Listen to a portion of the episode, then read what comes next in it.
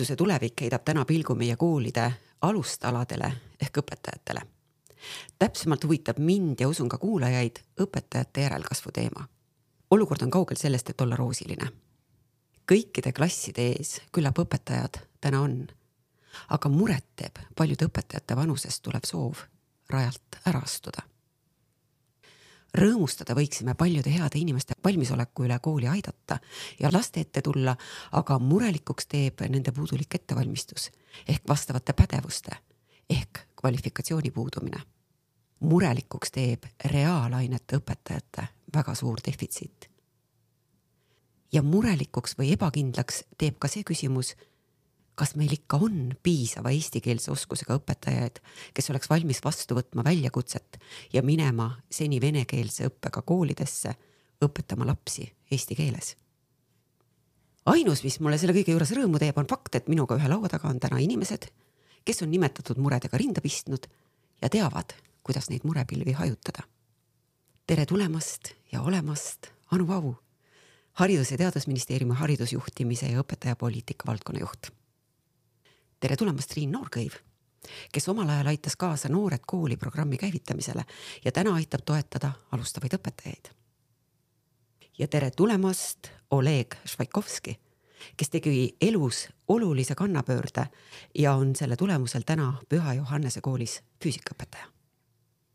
minu nimi on Iiris Saluri, olen Haridus- ja Teadusministeeriumi kommunikatsiooniekspert ja ühtlasi ka meie taskuhäälingu Hariduse tulevik toimetaja. alustame nagu ikka, ma uurin esmalt äh, oma külaliste tausta. kuidas te olete jõudnud tänasesse punkti? Anu. ja tere kõigile. olen siis tõepoolest äh, Haridus- ja Teadusministeeriumis äh, haridusjuhtimise ja õpetajapoliitika valdkonna peaekspert.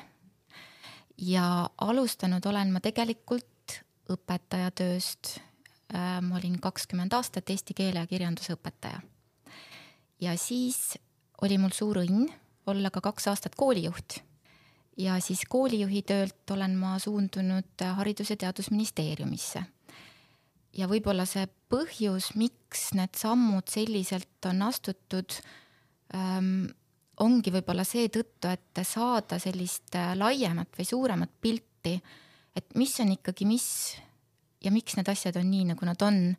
ja, ja ka koolijuhina äh, võib-olla saabus minu, minuni selline nagu tunnetus, et äh, mul ehk on mingisuguseid kogemusi ja teadmisi, mida ma laiemalt saaksin ära kasutada, ehk siis poliitikakujundajana. aitäh, Anu. Triin mina jõudsin ka hariduse valdkonda iseenesest karjääripöörajana, olin ülikoolis õppinud majandust ja ma arvan, et see mõte, et minust võiks saada õpetaja, ei olnud minuni veel siis õpingute ajal ka üldse veel jõudnud aga et kui ma pärast ülikooli olin Eestist ära mõned aastad äh, ja siis mõtlesin tagasituleku mõtteid, kuulsin ma üsna juhuse kaudu ühelt oma healt sõbralt äh, mõtet käivitada Eestis Noored Kooli programm ja kui ma sellest ideest kuulsin esimest korda ja hakkasin uurima jah, nende rahvusvaheliste eeskujuorganisatsioonide tausta, et siis see mind lihtsalt nii tohutult inspireeris, et ma ei jõudnud ära juba oodata, millal ma tagasi olen. ja, ja saan hakata mõtlema selle peale, et kuidas võiksime jah Eestis panustada sellisesse haridusuuendusse.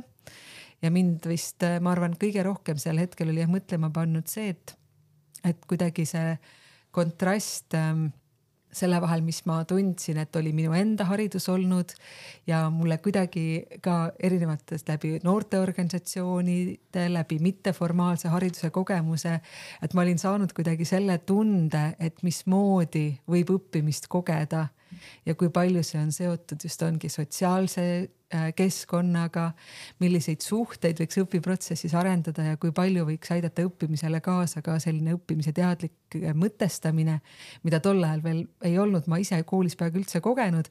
et siis ühesõnaga see mind kõik nii sütitas, nii et, ähm, et läbi Noored Kooli ma nägin, et selliseid uusi mõtteid saab hakata äh, realiseerima ja siis olingi alguses Noored Kooli vabatahtlik, siis töötaja kolm pool aastat esimeses tiimis ja kuna selleks hetkeks oli ka juba me nii-öelda oma meeskonnaga olime seda programmi loonud, siis tundus, et, et nüüd võiks järgmine samm olla ka ise seda suppi maitsta, mis me nii-öelda kokku olime keetnud.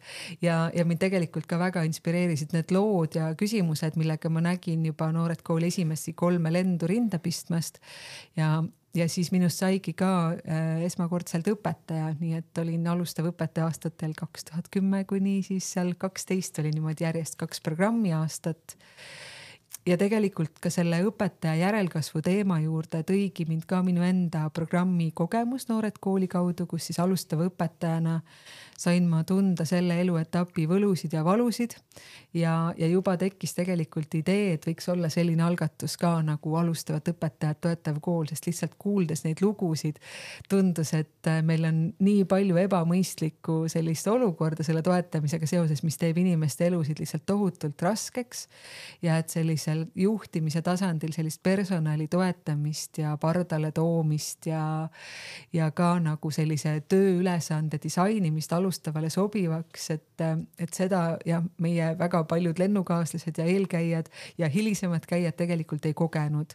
nii et, et siis mõni aasta edasi, kaks tuhat kuusteist, siis asutasimegi ka koos lähemate mõttekaaslastega MTÜ alustavat õpetajat toetava kooli ja sealt mul on ka olnud väga suur rõõm Olegiga kokku puutuda, et oleme ka püüdnud erinevatel tasanditel siis seda õpetaja järelkasvu küsimust lahata.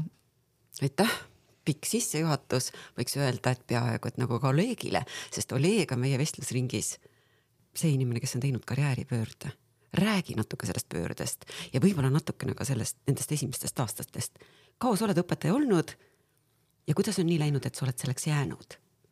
No õpetajana ma olen olnud äh, kolm aastat praegu äh,. haridusega ma olen seotud äh, olnud juba palju varem. see Püha Johannese kool, kus ma praegu toimetan, Püha Johannese koolis äh, ma olen üks asutajaliige ka algusest peale olnud äh,. ja tõepoolest ma alguses nagu läksin, käisin läbi Triinu programmi, alustavate õpetajate programmi, mis oli äärmiselt äh, kasulik. ma sain nagu päris palju õppida selles programmi käigus Te kasutasite sõna kannapööre siin, äh, millega mul on raske nõustuda. et, et äh, ma kasutaks analoogiat siin, et, et, et kui ma keskkoolis, gümnaasiumist lähen üle ülikooli, kas on see kannapööre või ei ole? see on pigem niisugune loomulik nagu edasiminek ja minu puhul täpselt samamoodi, et, et, et, et ma pigem nagu vaataks need veerand sajandit, mis ma olen toimetanud tehnoloogiamaailmas äh, äri poole peal, ma vaataks nagu sellist ettevalmistusperioodi. see tähendab, et kakskümmend viis aastat IT-ettevõtja äh,, kõrgepalgaline Telekom ja, ja, ja IT. -hmm. no ma toon ühe näite siin, et, et, et, et ma olen oma töö iseloomu tõttu olen päris palju esinenud erinevatel IT-teemalistel konverentsidel, rahvusvahelistel suurtel konverentsidel.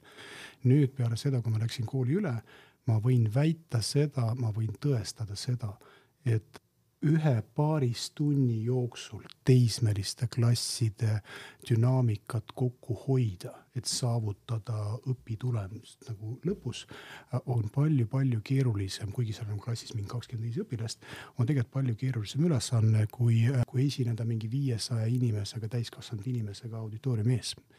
et äh, see, et kuidas see dünaamika nagu areneb see on niisugune omaette väga kihvt ja huvitav ja tegelikult keeruline protsess. nii et ma näiteks ka sellest vaatenurgast vaatan oma eelnevat kogemust vaataks kui, kui ettevalmistusetappi pluss ma olen olnud mingid veerand sajandit tehnoloogias, et, et see ilmselt mõjutab ka seda, et mul praegu ka teisel pool, lisaks sellele, et ma olen nagu füüsikaõpetaja koolis ma täidan mingit juhtimisfunktsiooni ka nagu meie koolis.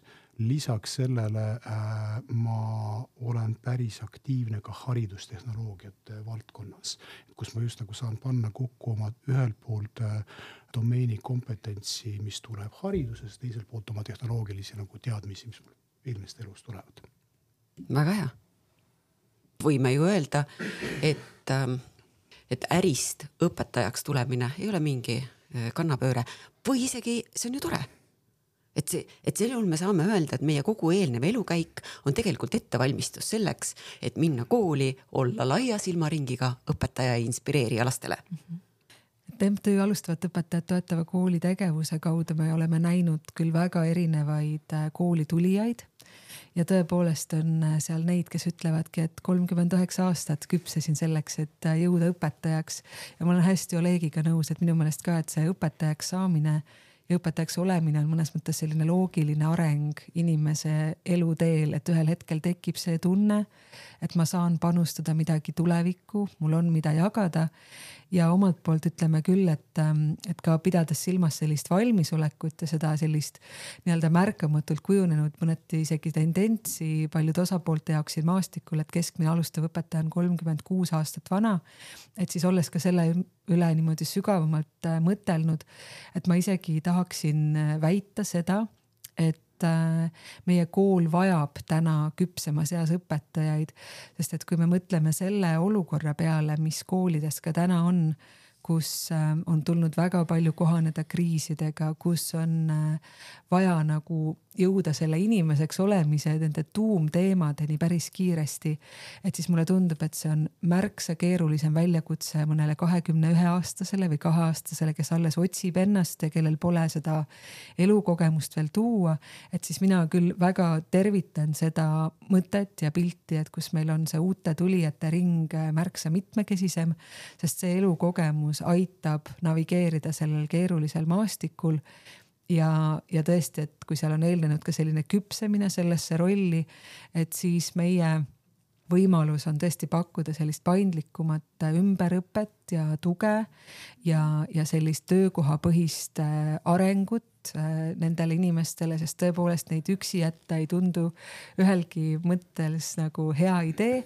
aga et me oleksime sellest süsteemina valmis ja vot see on üks koht, kus ma arvan, meil on hästi palju veel areneda. ma olude sunnil olen äh, omal ajal elanud õige mitu aastat USA-s äh, tööasjus ja äh, sealsamas piirkonnas, kus ma USA-s elasin, ehk siis põhja-lääne USA osas, Washingtoni osariik.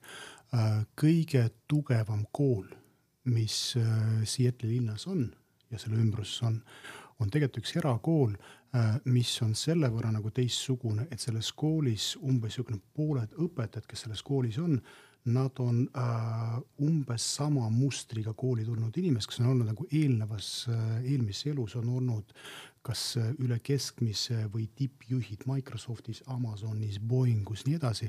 ja kes nagu toovad nagu mängu siis, kui nad tulevad kooli, nad toovad mängu mitte ainult oma erialateadmist, vaid ka, ka elukogemust ka. mis on muidugi nagu omaette, ma olen suhelnud nagu seal päris mitme inimestega selles koolis, mis on ka omaette nagu küsimus on ka see, et, et, et me ilmselt ei saa ehitada kooli üles ainult üksnes selliste inimeste peale ka.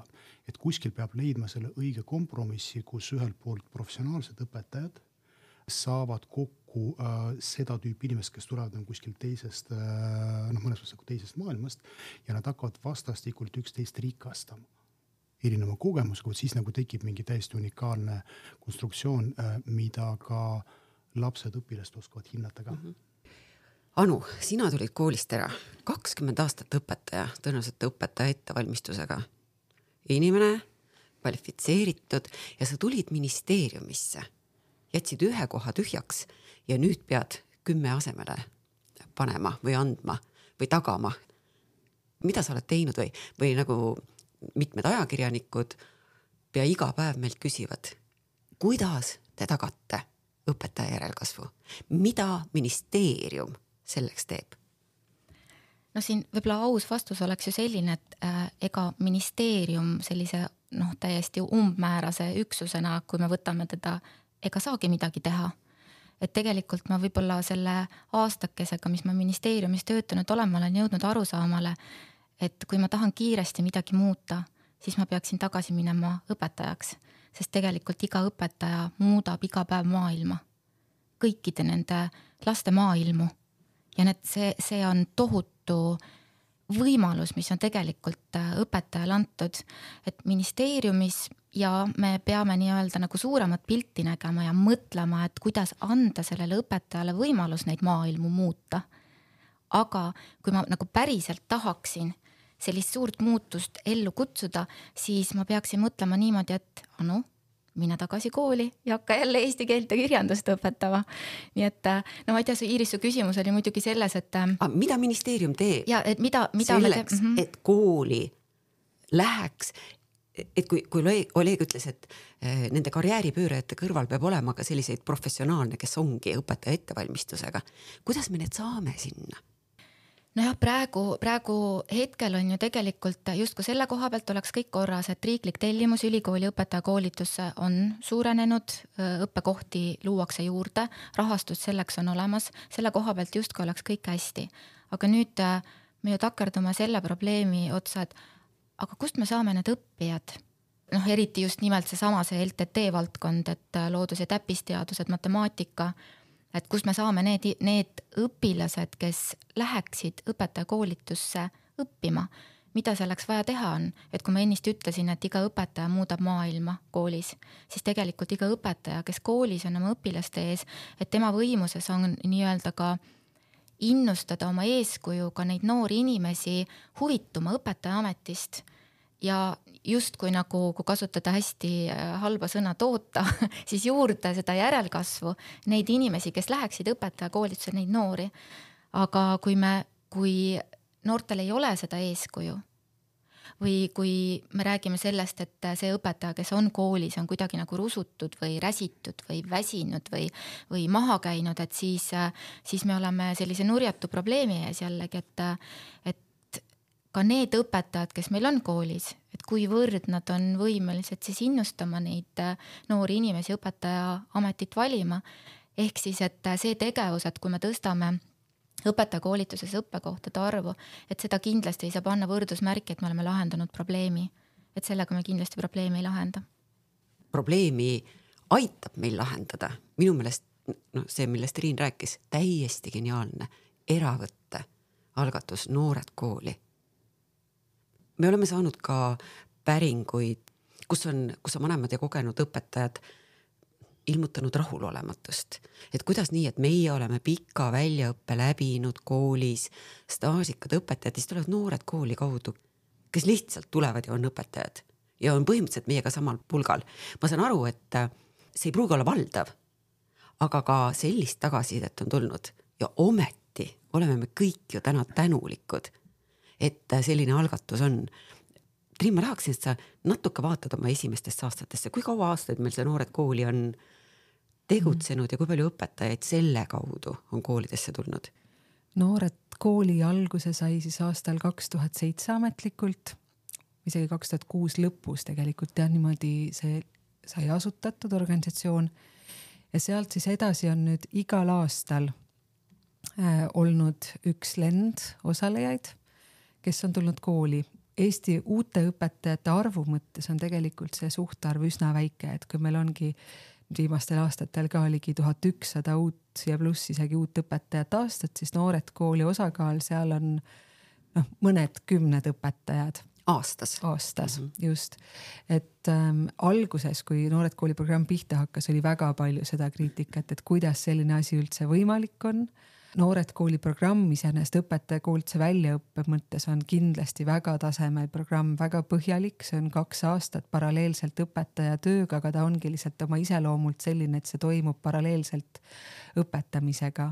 ja sinna kui... ei tule ju Noored Kooli programmi ei saa tulla ju näiteks põhikooli või keskkooli järel mingi inimene, kes ütleb, et ma tahan nüüd õpetajaks, seal on ikkagi teatav ettevalmistus. ikkagi äh, see, et, et peab olema ikkagi akadeemiline kraad, bakalaureuse kraad vähemasti ja selle programmi käigus nüüd ka peaks olema ametlikult juba võimalik ka viia see üsna lihtsasti ka siis pärast programmi lõppu magistrikraadi, nii et seda tunnustatakse ja need noored kooli kaudu läbitud ained on olnud siis ka osa pedagoogilisest äh, sellest moodulist nii-öelda või pedagoogika mm -hmm. kompetentsid. kompetentsidest ja et mida ülikool siis on vastavalt viinud oma kraadiõppe juurde. et äh, nüüd ähm, Noored Kooli osalejate pärast tõesti, et ma ise ei ole enam viimastel aastatel peaaegu üldse sellist kriitikat Noored Kooli suhtes kuulnud, aga et Noored Kooli programmis on jah, selline süsteemne äh, tegevus äh, selle heaks, et siis õpetaja saaks kiiresti areneda. tal on äh, koolitused igal teisel nädala lõpul kaks päeva sinna juurde kuulub ka mentorprogramm, nii et on olemas üks-ühele arengutugi, väga suur tugi oma lennult, et kus on ka läbitakse ühiselt supervisioone ja siis on ka veel lisaks selline arenguprojekt, mis on ka Äh, nagu koos kogukonnaga Noored Kooli ülesanne, osalejatel ülesanne ellu viia.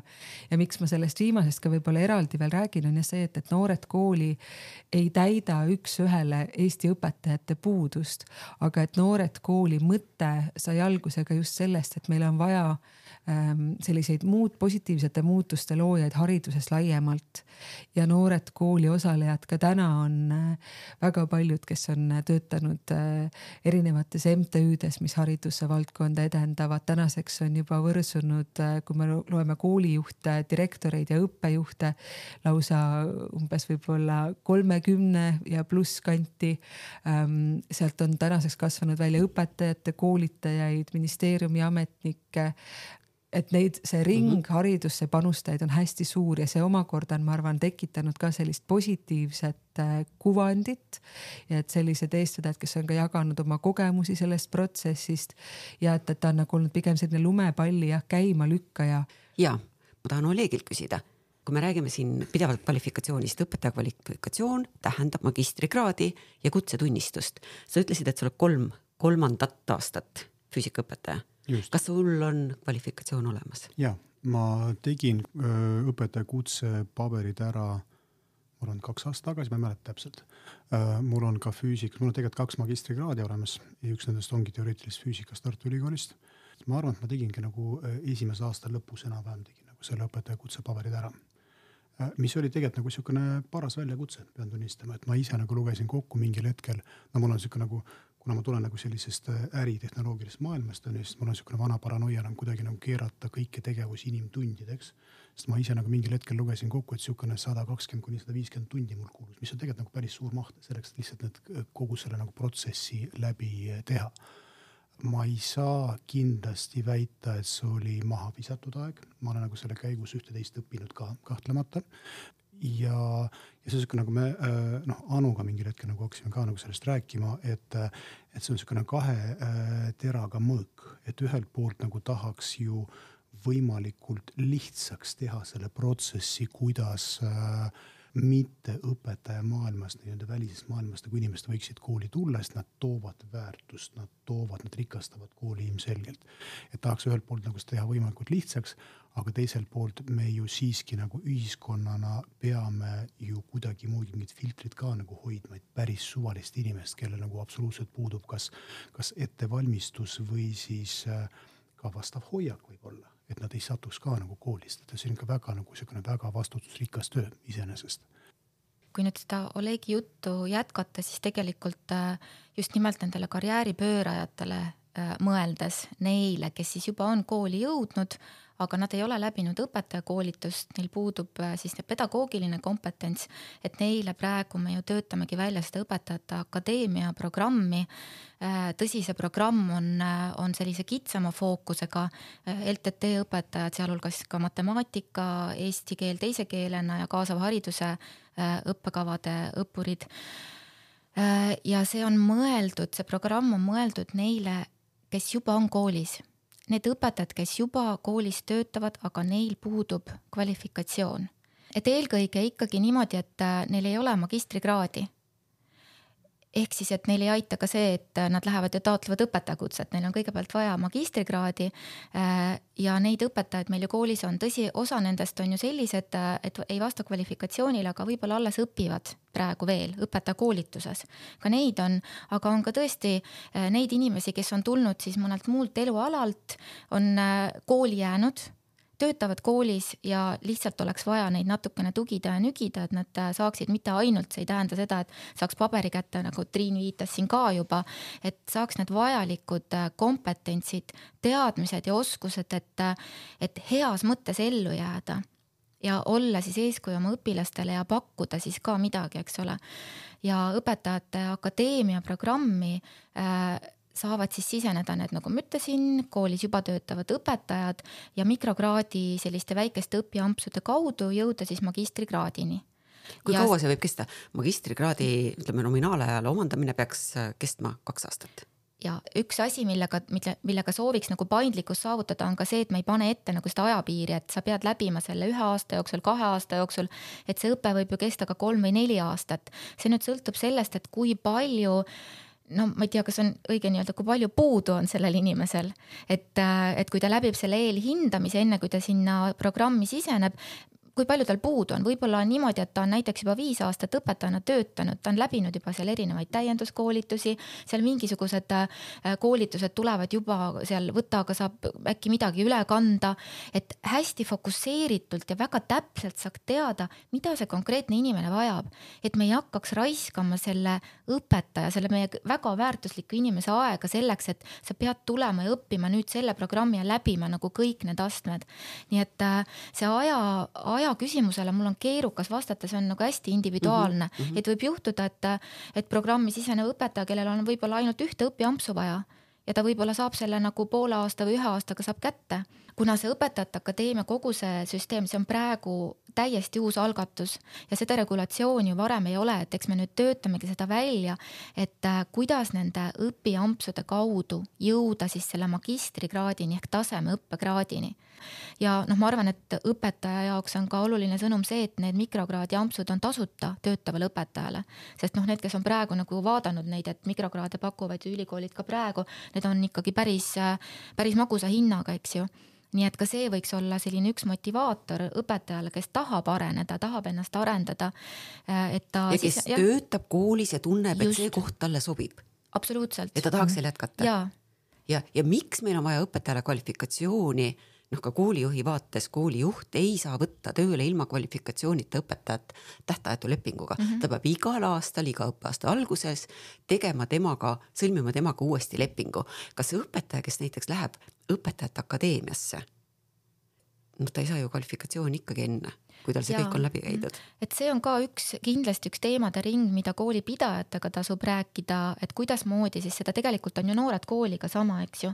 et Noored Kooli programm kestab kaks aastat, õpetaja siseneb kooli, aga temaga ei saa ju sõlmida kaheks aastaks tähtajalist lepingut, et ta on ikkagi, et. Äh, aasta ja aasta. aasta ja aasta ikkagi, kuigi võiks ju olla regulatsioon, et noored kooli õpetaja saab siis nii-öelda nagu selle kaheaastalise tähtajalise lepingu.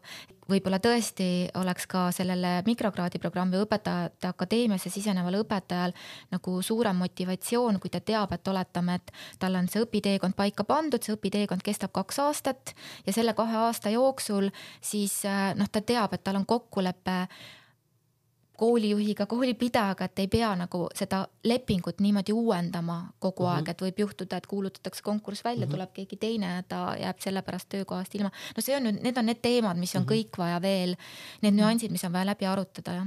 me oleme hariduse tulevikus äh, rääkinud ka õpetaja tulevikust. et millist õpetajat tulevikukool üleüldse vajab?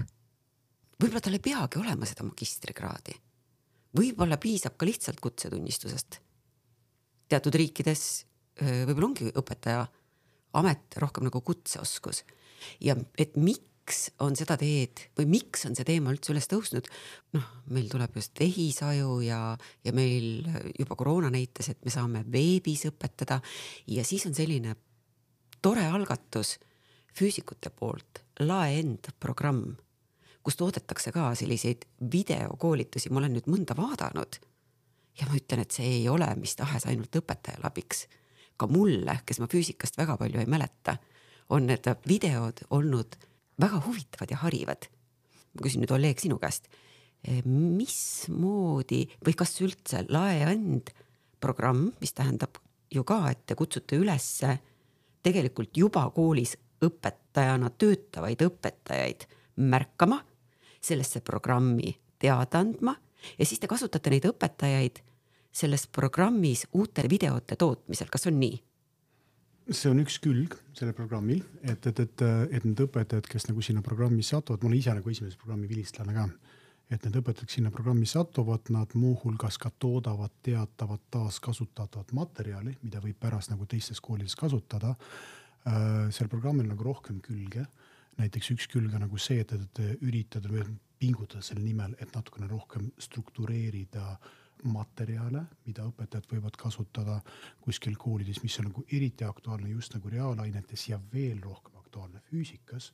seetõttu, et me nagu, no me teame, et Eestis on ju väga suur osakaal õpetajaid, kes peavad andma füüsikatunde koolis, kellel puudub vastav ettevalmistus. just, sinna ma tahtsingi jõuda. ja nendele tegelikult nagu anda mingeid abistavad materjale on päris, päris oluline et noh, selles mõttes nagu see, see diskussioon, mis nagu enne siin äh, käis, et noh, see, millest nagu Triin rääkis, nii noored kooli kui ka, kui ka alustavad õpetajad on väga jumalale meelepärane tegevus, seda on vaja kindlasti nagu teha.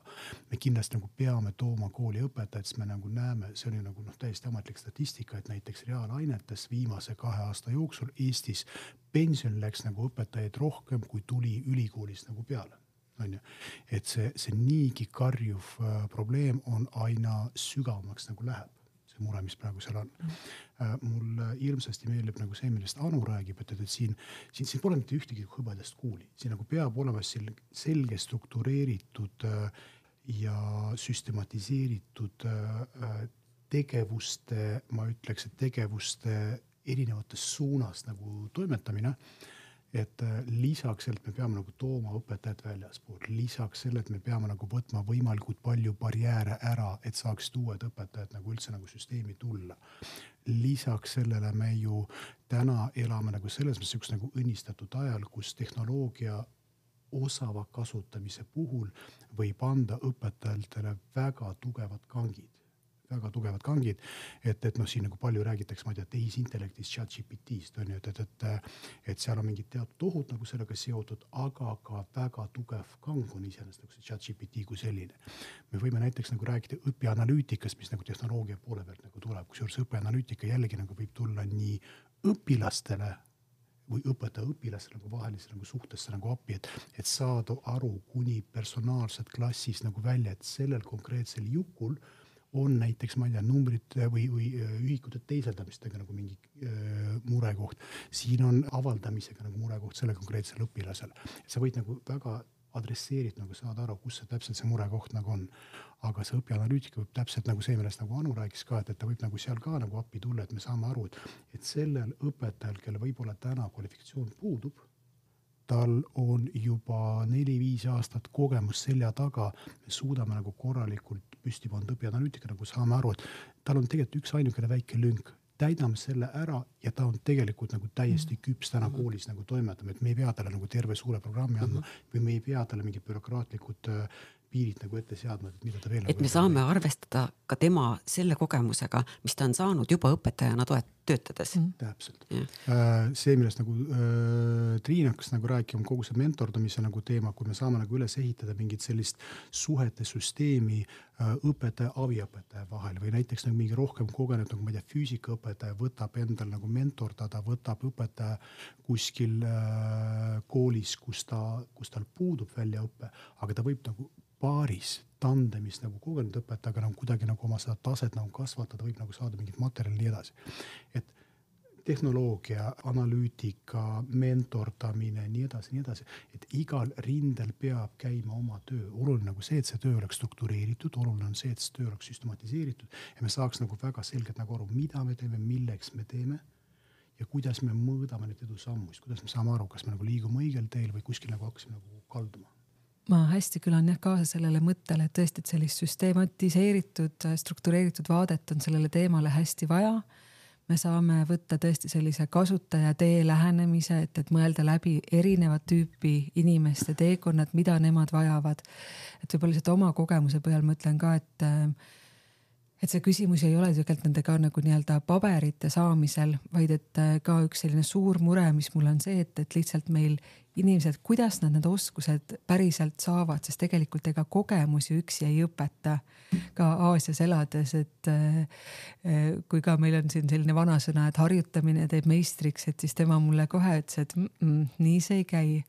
harjutamine teeb meisterlikuks harjutajaks aga et meil on vaja sisuliselt ka, et näiteks teadmised arengupsühholoogiast, teadmised äh, tõesti neuroteadustest, mis täna väga palju informeerivad õpetajatööd, et nendel uutel tulijatel on seda reaalselt vaja. Ja et, et selline nagu üldse mõtteviis õpetajana praegusel ajal ka on meil õpikäsitlus muutunud, ehk siis paradigma, see, mis oli õpp, nagu praegustel õpetajatel omal ajal koolis oli täiesti teistsugune kui see, mis praegu on.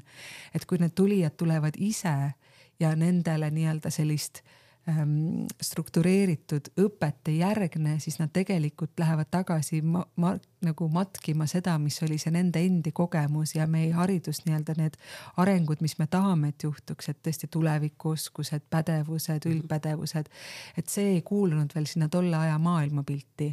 aga et meil on vaja väga sisuliselt panustada ikkagi nende uute tulijate arengusse, et siis on tõesti, et üks osa sellest on need erialateadmised, üks osa on tõesti ikkagi väga sisulised teadmised, praktilised, pedagoogilised teadmised.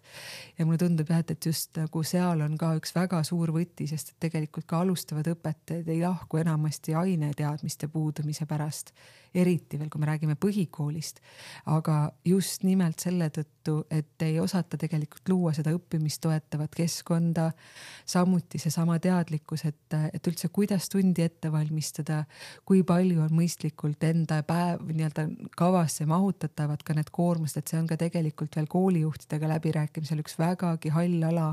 näiteks alustavat õpetajat toetava kooliga meie see lähenemine on olnud selline, et me oleme ähm, valinud siis välja teatud äh, instrumendid, mis on tõendatud, et toetavad uusi tulijaid, nagu näiteks üks-ühele mentorlus oleme seda kutsunud ise juhendamiseks, et seda veel paremini struktureerida.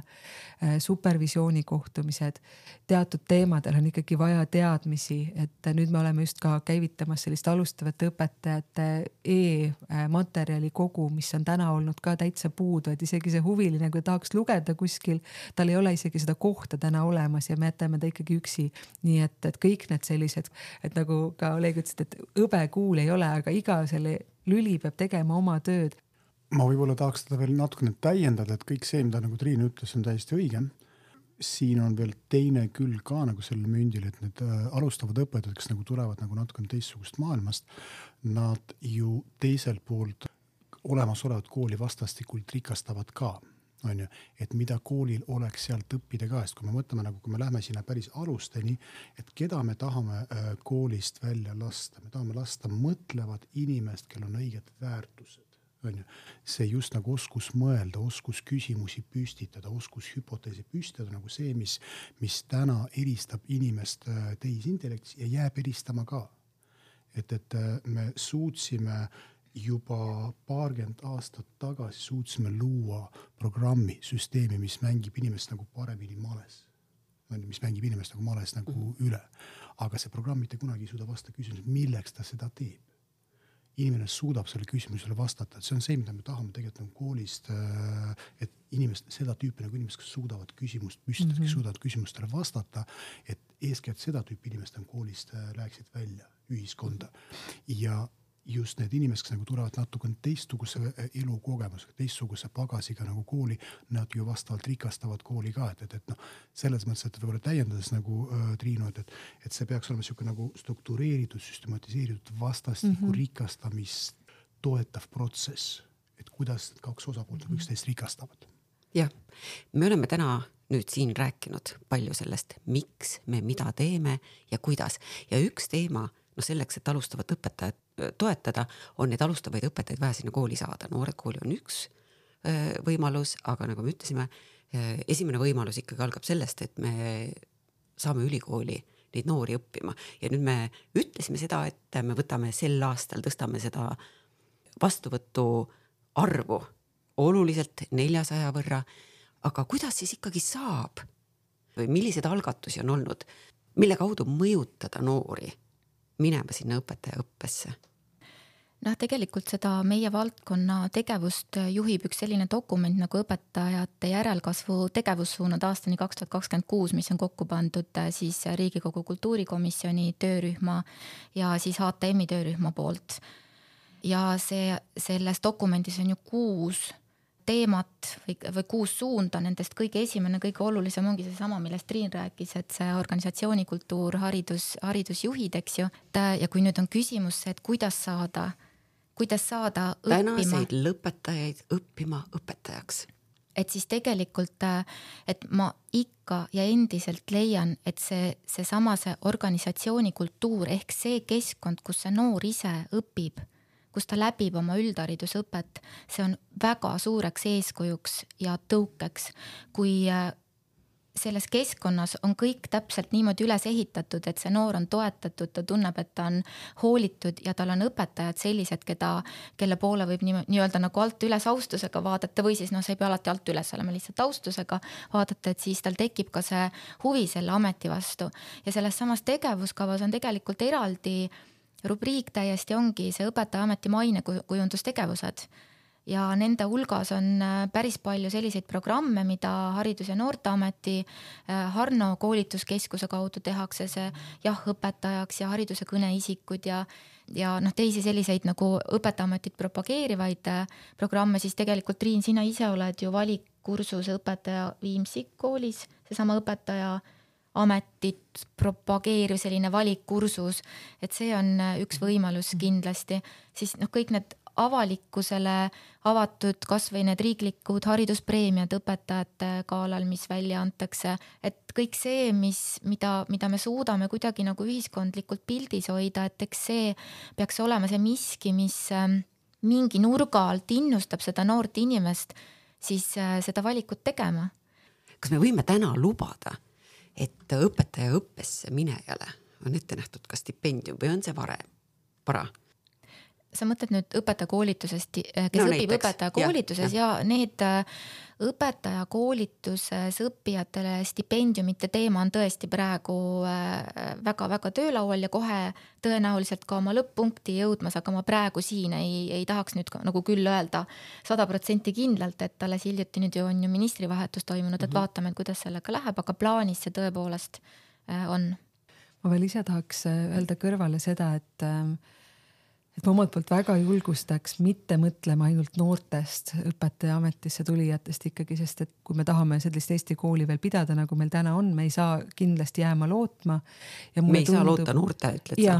seda ütlen, sest et, et ka, et, et need noored, kellega ma näiteks puutun selle valikkursuse raames kokku ähm,, nemad näevad ennast küll õpetajana, aga enamik neist jõuavad selle juurde võib-olla oma karjääri ka kolmekümnendates, neljakümnendates aastates. ehk siis väga vähes mõttes ka, et, et kui me kujutame ette tänast maailma, noor, kes on olnud kaksteist aastat koolis ja täna me teame ka, et mitte paljudele ei ole see üldse meeldiv kogemus.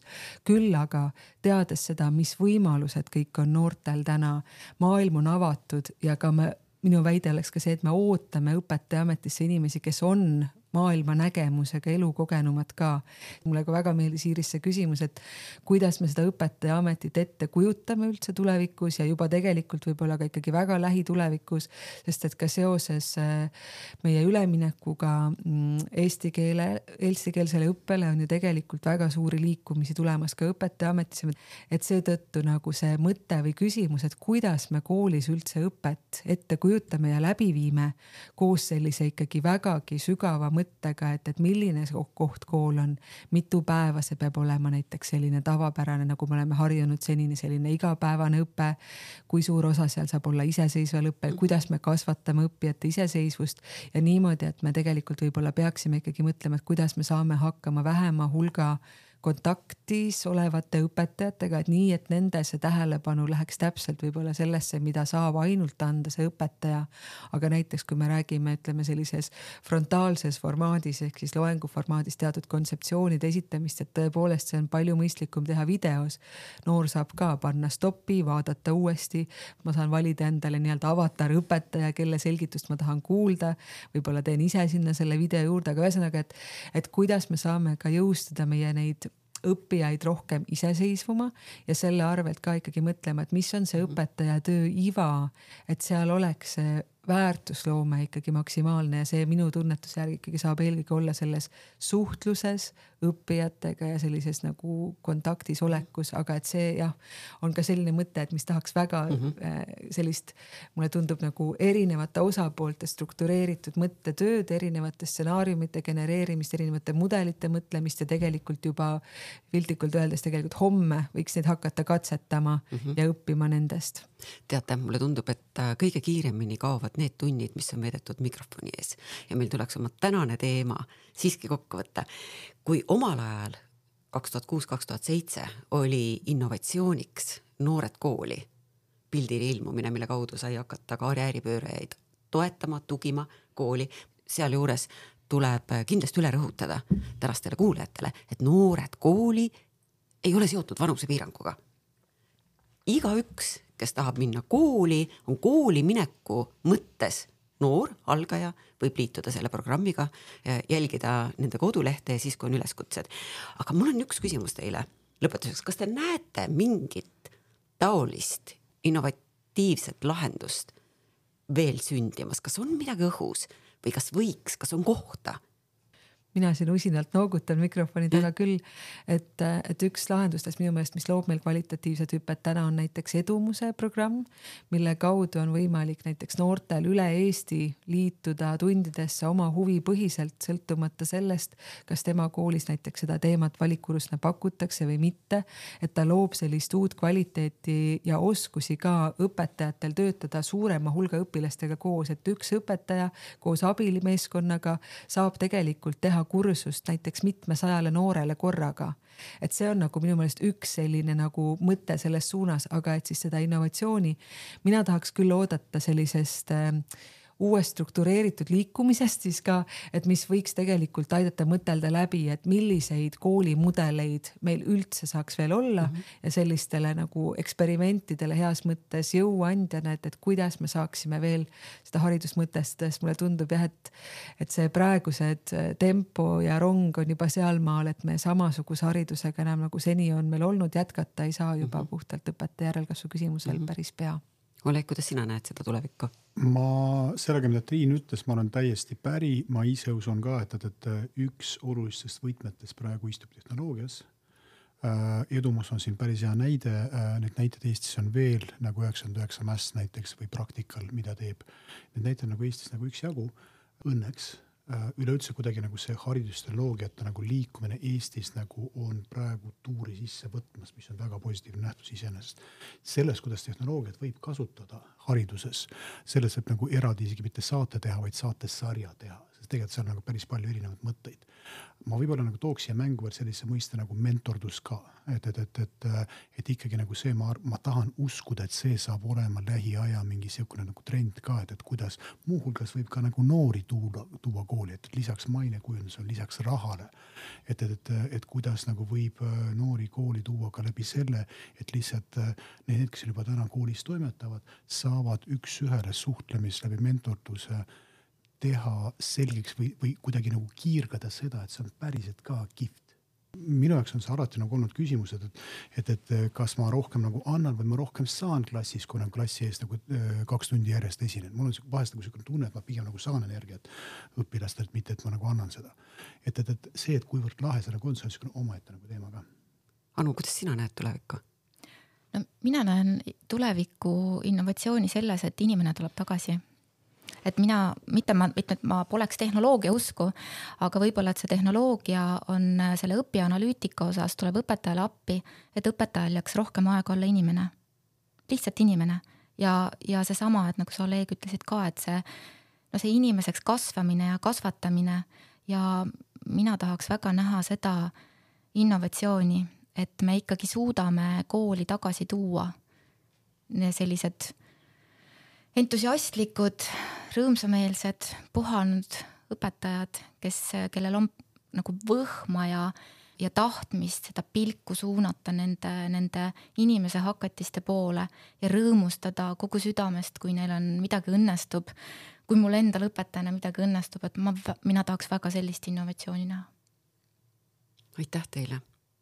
mulle tundub, et äh, ma võin oma alguse murenoodi siiski keerata lootuskiireks vaadata olukorda läbi prisma, mis annab võimaluse positiivse ootusega tulevikule vastu astuda.